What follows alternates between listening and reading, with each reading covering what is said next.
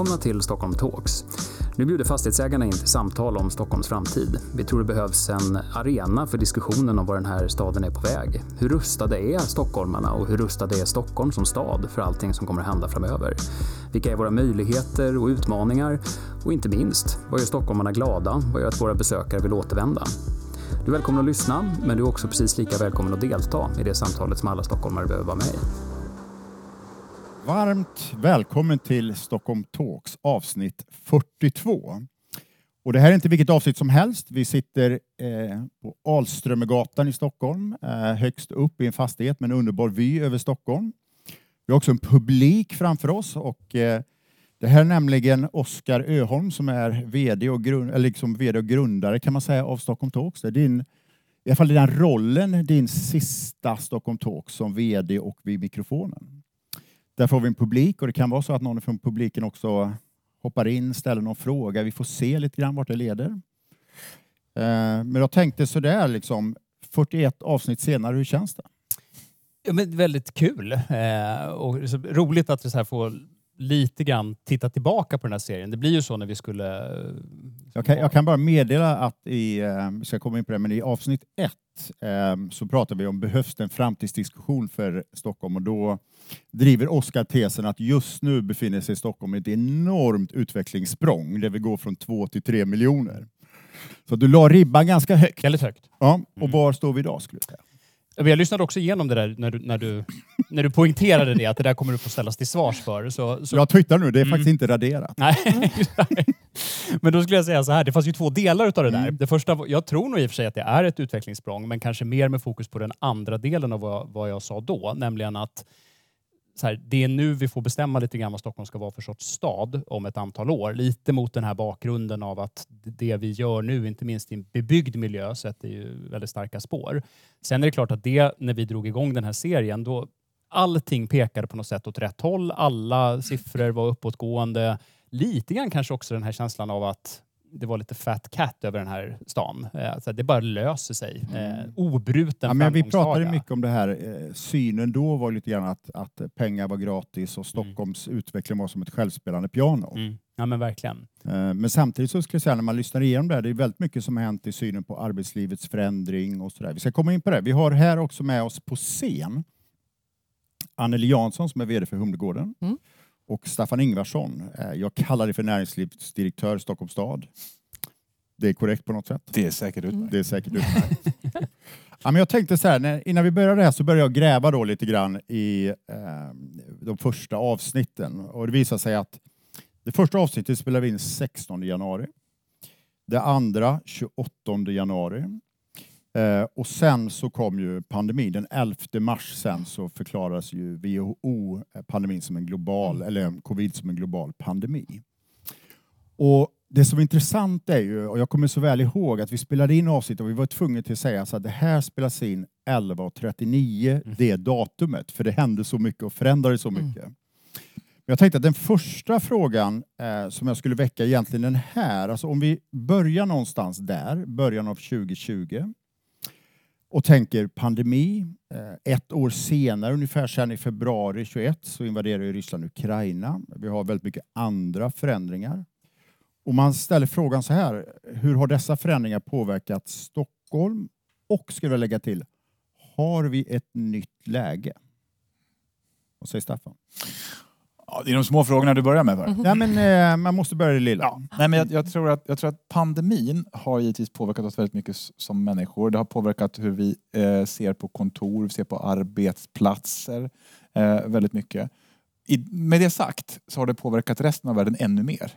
Eh, i, det, man är fortfarande omskakad i eh, stora delar av amerikanska städerna, en del andra europeiska städer. Man har precis kommit ur pandemin. Den har vi lämnat bakifrån. Vi har lärt oss saker av det och vi är nu i en diskussion. Ska vi vara på kontoret två, tre, fyra dagar i veckan? Hur ser vi på flexibla arbetsplatser? Som är ganska mogen mot vad jag upplever när jag är på andra ställen. Så vi har, vi har ganska snabbt kommit igenom den diskussionen. Däremot skulle jag säga att säkerhetsdiskussionen driven givetvis delvis av Rysslands invasion av Ukraina men också av terrordiskussionerna. Den, den har nog bara börjat. Och jag tror att ett NATO-medlemskap här, eh, när det nu blir, kommer att leda ännu mer där. Det kommer att bygga en hel del eh, strukturer in också i det civila försvaret som kommer att påverka fastighetsägarna väldigt mycket. Så att om pandemin har varit, vi har lärt oss, vi ska ta det vidare, så är nog säkerhetsfrågorna de som kommer att göra stort avtryck under en längre tid. Så arbete, trygghet, säkerhet. Ja. Anneli, vad säger du? Nej, men jag håller med om det.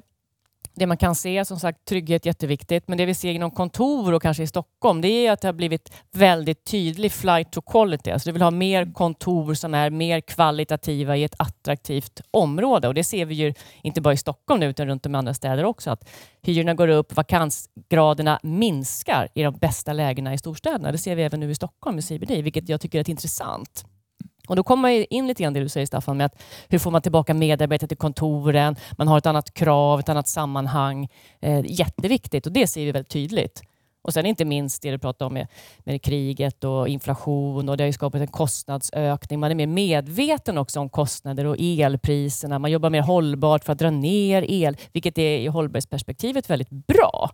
Eh, så det har varit många konsekvenser, både för fastighetsägare och för staden som helhet och för alla individer. Tänkte, Staffan, du jobbar också mycket med att främja etableringar i Stockholm på näringslivssidan.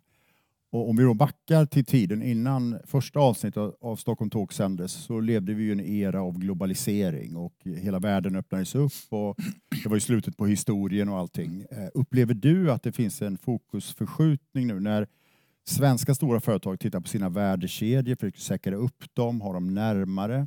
Ser vi dig liksom i vilka företag som är intresserade av Stockholm?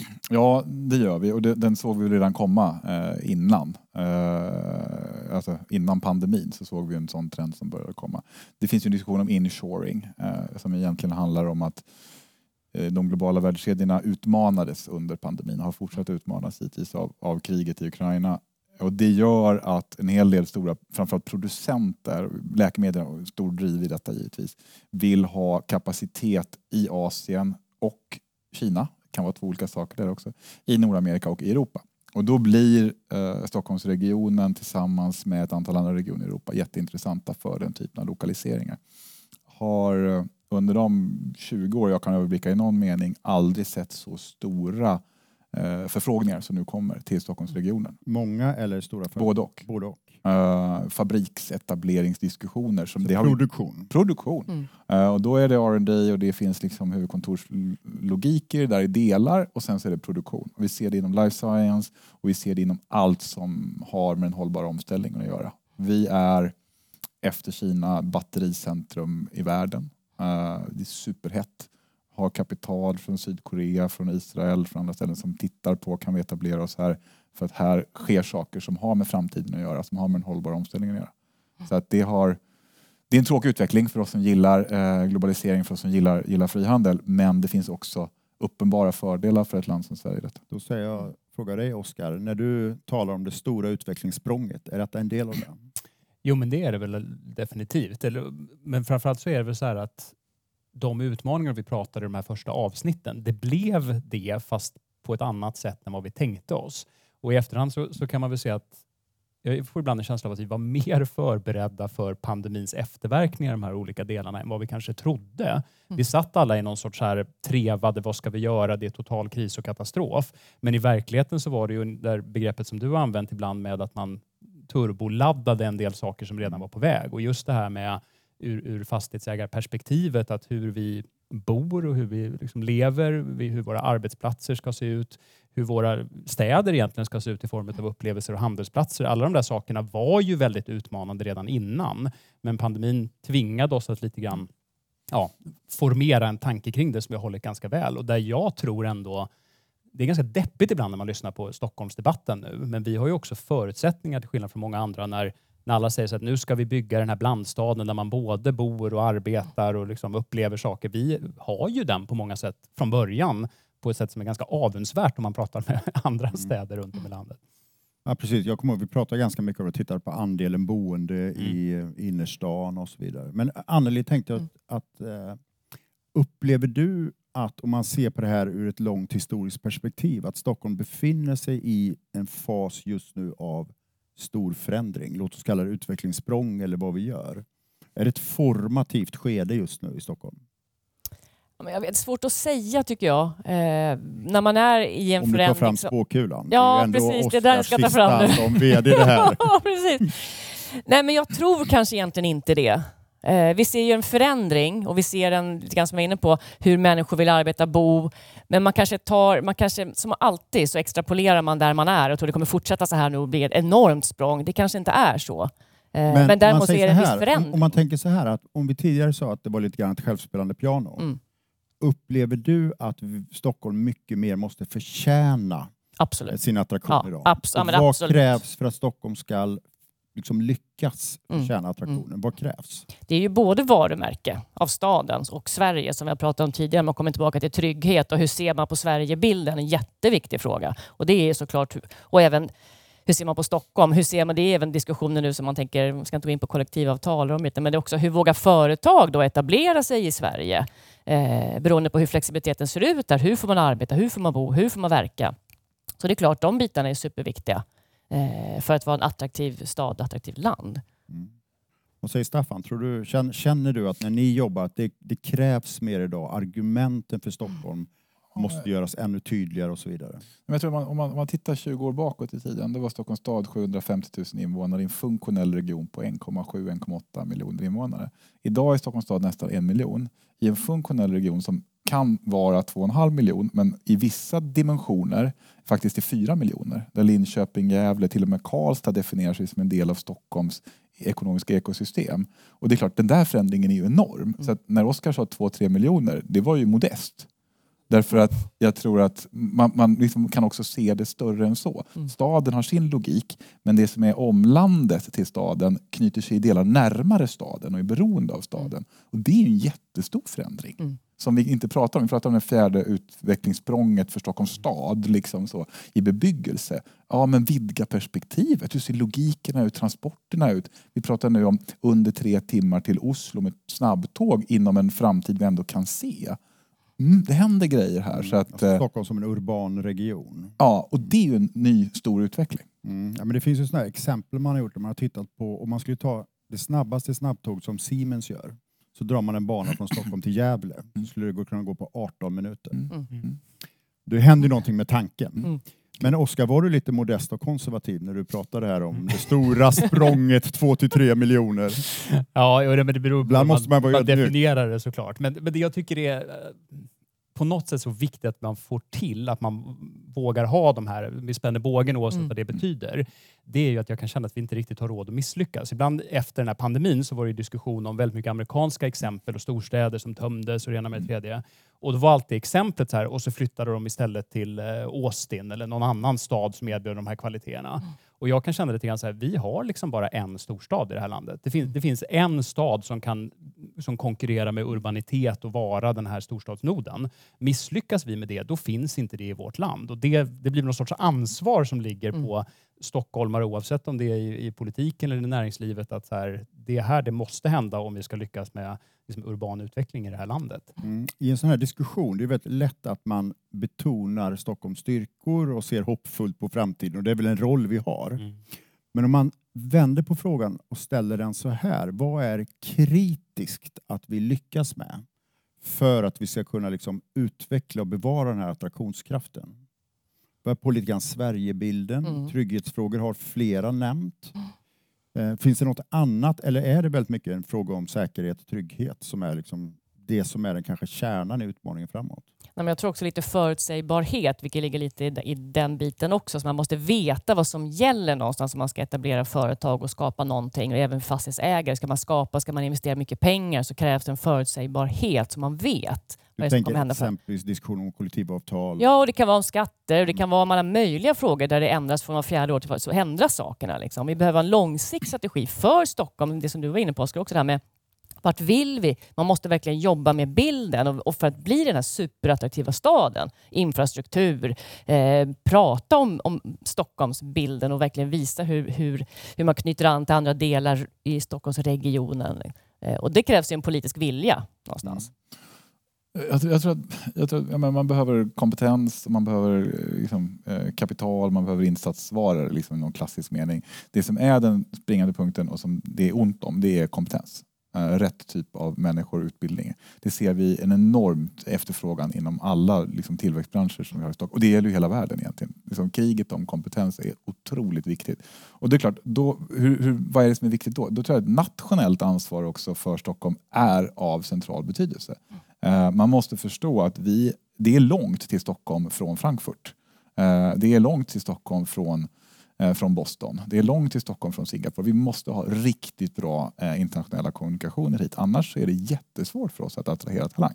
Och sen måste vi jobba med platsen och det måste vi göra ännu mer tillsammans. Mm. Jag tycker vi har haft en jättebra diskussion under, under Oskars tid här som, som VD på, på Fastighetsägarna Stockholm. Också. Vad gör vi tillsammans Mm. i platsutveckling? Hur, hur laddar vi platsen med rätt värden?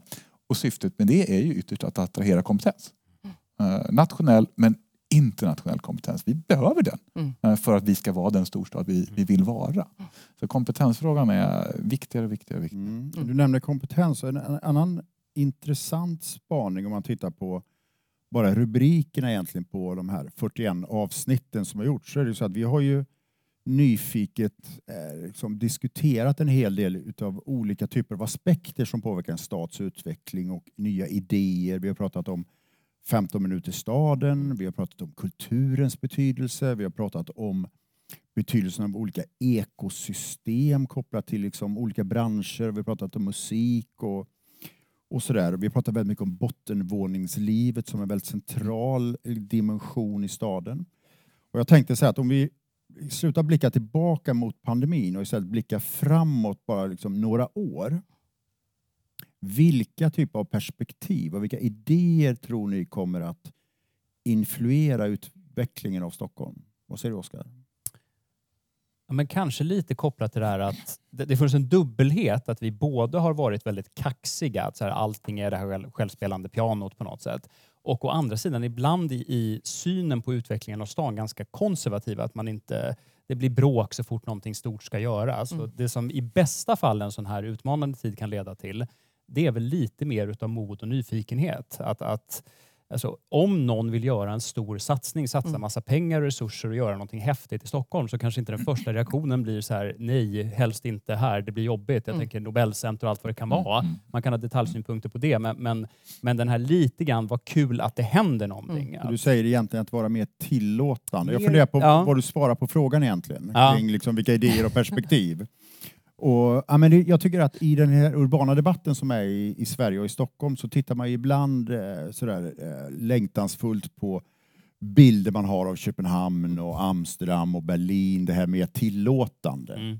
Är det någonstans där du... Absolut, och, och mycket tror jag att våga experimentera kanske i den faktiska stadsrummet. Jag, jag kan, så här, nu har det varit jättediskussion de senaste veckorna om att ja, nu har boendeparkeringskostnaden höjts med vad det är, ett par hundralappar och när den kanske egentliga diskussionen är så här, vad då kan jag hyra fem gånger två kvadratmeter prime real estate för 1600 spänn i månaden? Det är ju egentligen helt sinnessjukt med tanke på vad vi istället skulle kunna göra av den här platsen. Så den typen av experimenterande i, i det faktiska stadsrummet skulle vara, ja, apropå mod och nyfikenhet. Jag ska bli parkeringsbolaget. Mm.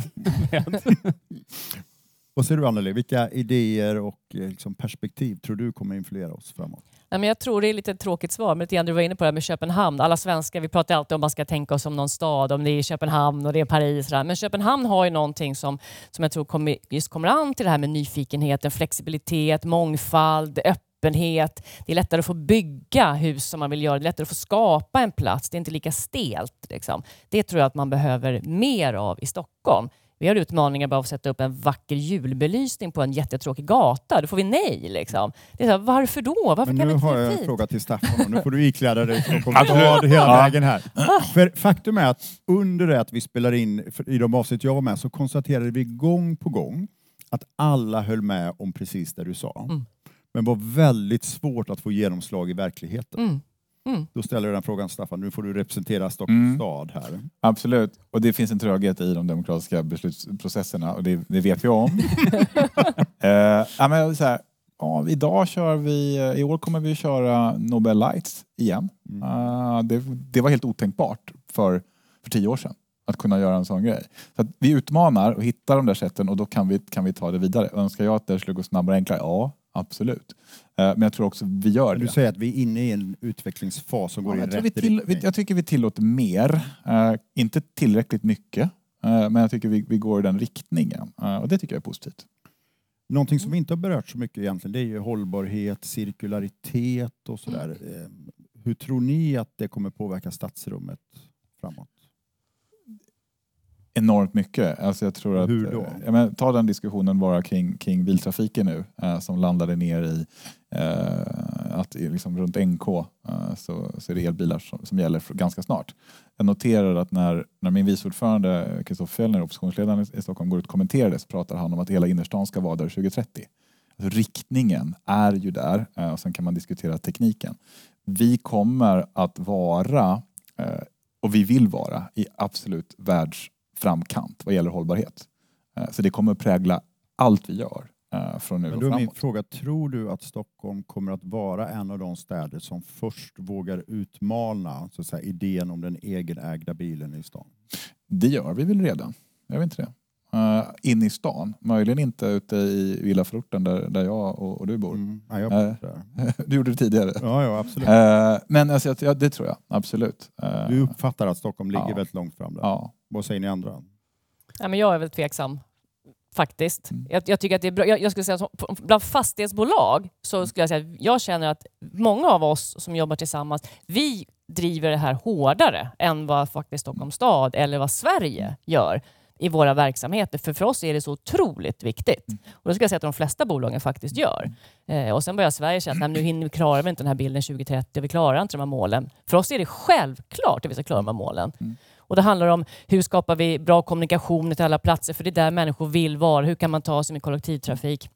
Eh, hur, hur finns den servicen man vill ha? Så jag, jag eh, önskar och hoppas att Stockholm också driver den bilden på riktigt framåt och inte bara pratar om bilden utan faktiskt gör mer tillsammans med hela Sverige. Jag tycker också att det, det är intressant att se att det, det, det växer lite underifrån. Det är inte bara de här stora bolagen som satsar. En, en sån här temperaturmätare som har varit rolig i den här rollen, det är att ibland gå och lyssna så här, vad är det för samtal som kommer till medlemsrådgivningen? För det här är ju också en stad där inte bara politiska visioner är mer utav hållbarhet utan också medborgare som är väldigt engagerade i frågan.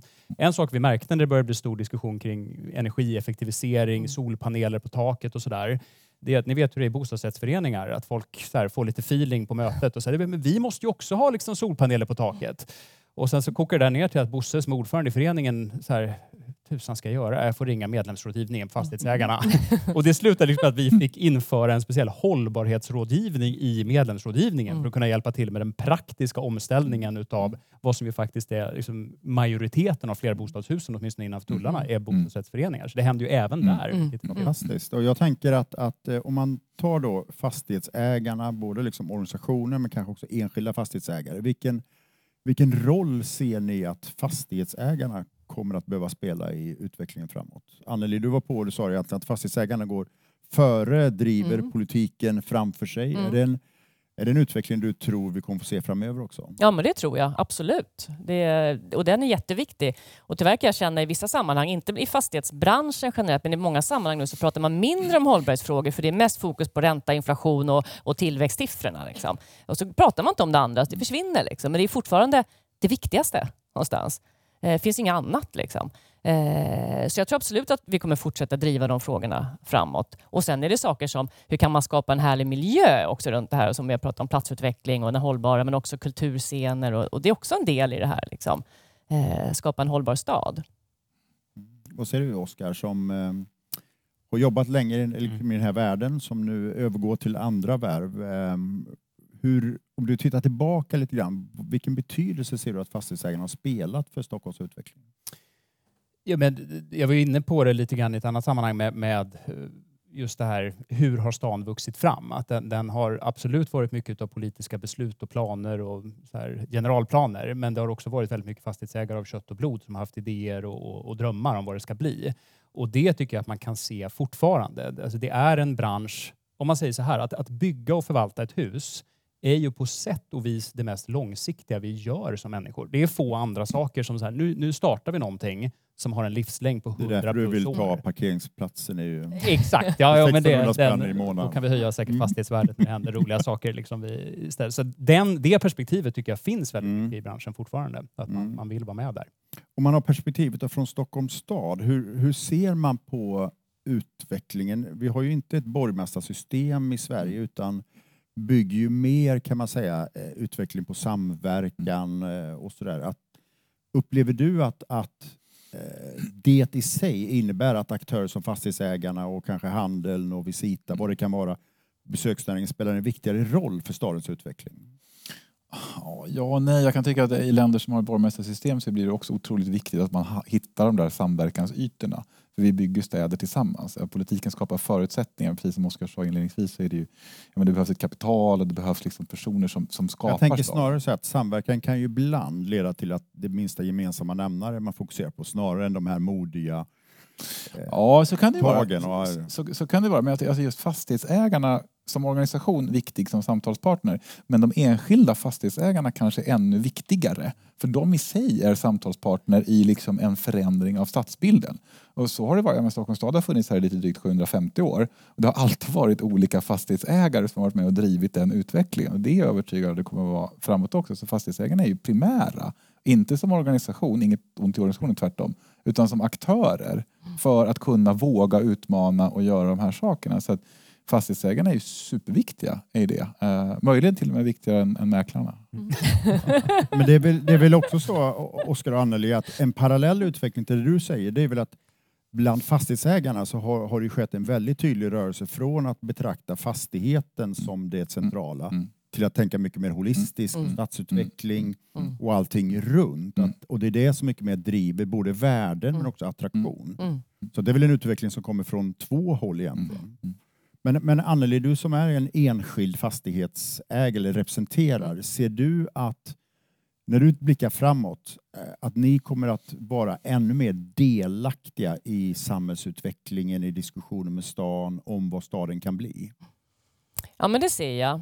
Samtidigt som man inte får glömma att vi som fastighetsägare inte är en samhällsaktör i den bemärkelsen att vi ska ta samhällsansvar. Eller liksom, vi är samtidigt ett, ett företag som också ska drivas lönsamt och ge liksom, en rimlig avkastning. Ibland får vi fastighetsägare allihopa klä skott någonstans för hela sociala ansvaret i en stad. Där måste man jobba tillsammans liksom med, med staden såklart. Men eh, jag ser absolut att vi kommer fortsätta driva och just platsutvecklingen är ju bara viktigare och viktigare. Och det är ju inte bara ett modord längre, utan det är ju någonstans. Ska du ha en plats där människor vill vara så krävs ett intressant sammanhang för du ska vilja vara där.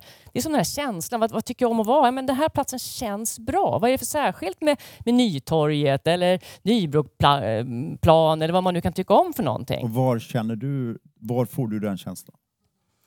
Ja, men det är många, många platser som jag kan känna. Var, liksom. Man brukar ofta säga bland människor att det kommer ungefär tre beslutsalternativ när man funderar på det här. Jag ska köpa en ny bil eller vad som helst. Vad Ja. dyker upp hos dig? Ja, men jag vill ju vara nära vattnet. Mm. Mm, för mig är det vattnet. Liksom. Och Stockholm har ju vatten lite överallt. Så Mm. jag går gärna ner till vatten. Det kan vara Nybroviken, det kan vara eh, Kungsholmen, det kan vara liksom bara i vatten. Staffan, var dyker den känslan upp Mm. för dig? Oj, eh, Tele2 Arena. Eh, Vissa Nej. välvalda tillfällen. ja, då och då. Nej, eh, jag gillar, gillar Medis. Det är någonting med, med den platsen som jag gillar. Det är svårt att sätta fingret på. Um, och sen gillar jag ju trädgårdsstäderna. Eh, Jag bor själv en bit ute. Alltså det finns en känsla när man går omkring i ett villaområde som är väldigt nära en storstad. Mm. Eh, Vad säger Oskar? Jag skulle säga, apropå hur lätt det kan vara att förändra en, en plats. Jag bor ju och, både, bor och jobbar på Kungsholmen och passerar sig på Kungsholms strand. Precis under Barnhusbron så är det ganska så här, sunkigt, känns lite konstigt där man är liksom under bron.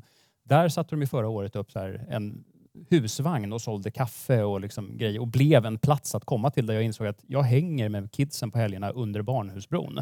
Det, det trodde man inte, men det visar att så här, med ganska Trodde man lätta inte. medel så går det att också göra, Mm. göra sådana Mm. platser spännande. Spännande. Det säger någonting om vår förmåga att faktiskt Mm. utveckla. Så här, eh, vi befinner oss, vi spelar in den här live med publik eh, och jag tänkte att vi kanske det här samtalet som går ut i etern som alla eh, kan lyssna på eh, i hörlurar och annat ska gå mot, ska landa ner snart. Men jag tänkte jag hade, har en liten avslutande fråga. Vi har lite grann touchat den på olika sätt, men jag tänker så här att om om ni tänker att Stockholm ska hämta inspiration från någon annanstans, var skulle ni blicka då? Oskar, var skulle du titta? Under många år så har vi sagt så här, vi ska inte jämföra oss med andra städer i Sverige. Utan vi ska Men nu ska, du, nu ska du lämna det. Ja, ja, berätta. Nej, men vi ska titta på andra internationella storstäder. Jag tror att kanske den ödmjukhet vi ska känna som stockholmare i ett läge när vi måste förtjäna vår attraktivitet, det är att inse att rätt många av de här utmaningarna med att hur ska vi få stadskärnan att leva, hur ska vi få folk att komma hit och investera, hur ska vi få folk att vilja flytta hit, att vi kanske också kan lära oss lite av medelstora städer i Sverige som har levt med de utmaningarna under lång tid. Åka på studiebesök till Karlstad, och Västerås och Borås. Ungefär så. Mm. Vad säger Anneli? Ja, men jag tänker lite mer eh, högflygande då faktiskt. Inget fel av Borås och så. Men, men eh, ska jag tänka inspiration för Stockholm, eh, både vad gäller utvecklingsmässigt och få ett språng, då är det faktiskt Singapore. Om man vill komma ifrån den demokratiska processen kanske lite också. Då. Och kunna göra saker liksom. Två flugor i en smäll. Ja, men man bygger högt. Du har densiteten. Du har många människor på en liten plats. Du har även det gröna. Du har höjderna. Du får, liksom, du får allt det du vill ha. Och många människor, då får du ju den här femminutersstaden nästan. Alltså det skapar någonting otroligt och vem vill inte åka dit? Liksom vara där? Borås, Singapore. Mm. Vad säger du? Jag, jag tror man kan lära sig mycket av alla platser egentligen. Men om vi tittar på vad, vilka ställen väljer eh, internationella entreprenörer och internationella talanger emellan, där Stockholm ligger, så är det i ett europe, europeiskt perspektiv Berlin, Amsterdam, delar Paris, London, där man tittar på, eh, där Stockholm är med. Vi spelar en liga där som är större än de andra nordiska länderna, det ska vi ha med oss. Tittar vi globalt så är det klart att det som händer i Boston är intressant. Eh, Det som händer i Austin, som vi pratade om tidigare, är intressant. Singapore, absolut. Mm. Tel Aviv, eh, jätteintressant. Eh, Så det finns ett antal sådana punkter som jag tror vi ska titta på. Och vi ska utgå ifrån, men var inte vårt eget inifrån perspektiv, uti- utifrån perspektivet. De som tittar efter de där ställena i världen där man vill etablera sig för att göra karriär eller etablera sitt företag. De ska vi jämföra oss med. Mm. Bra. Det kanske får bli slutordet för det 42 avsnittet i Stockholm Talks. Tack så mycket Tack. Tack. Anneli, Staffan och inte minst Oskar. Mm. Tack så mycket.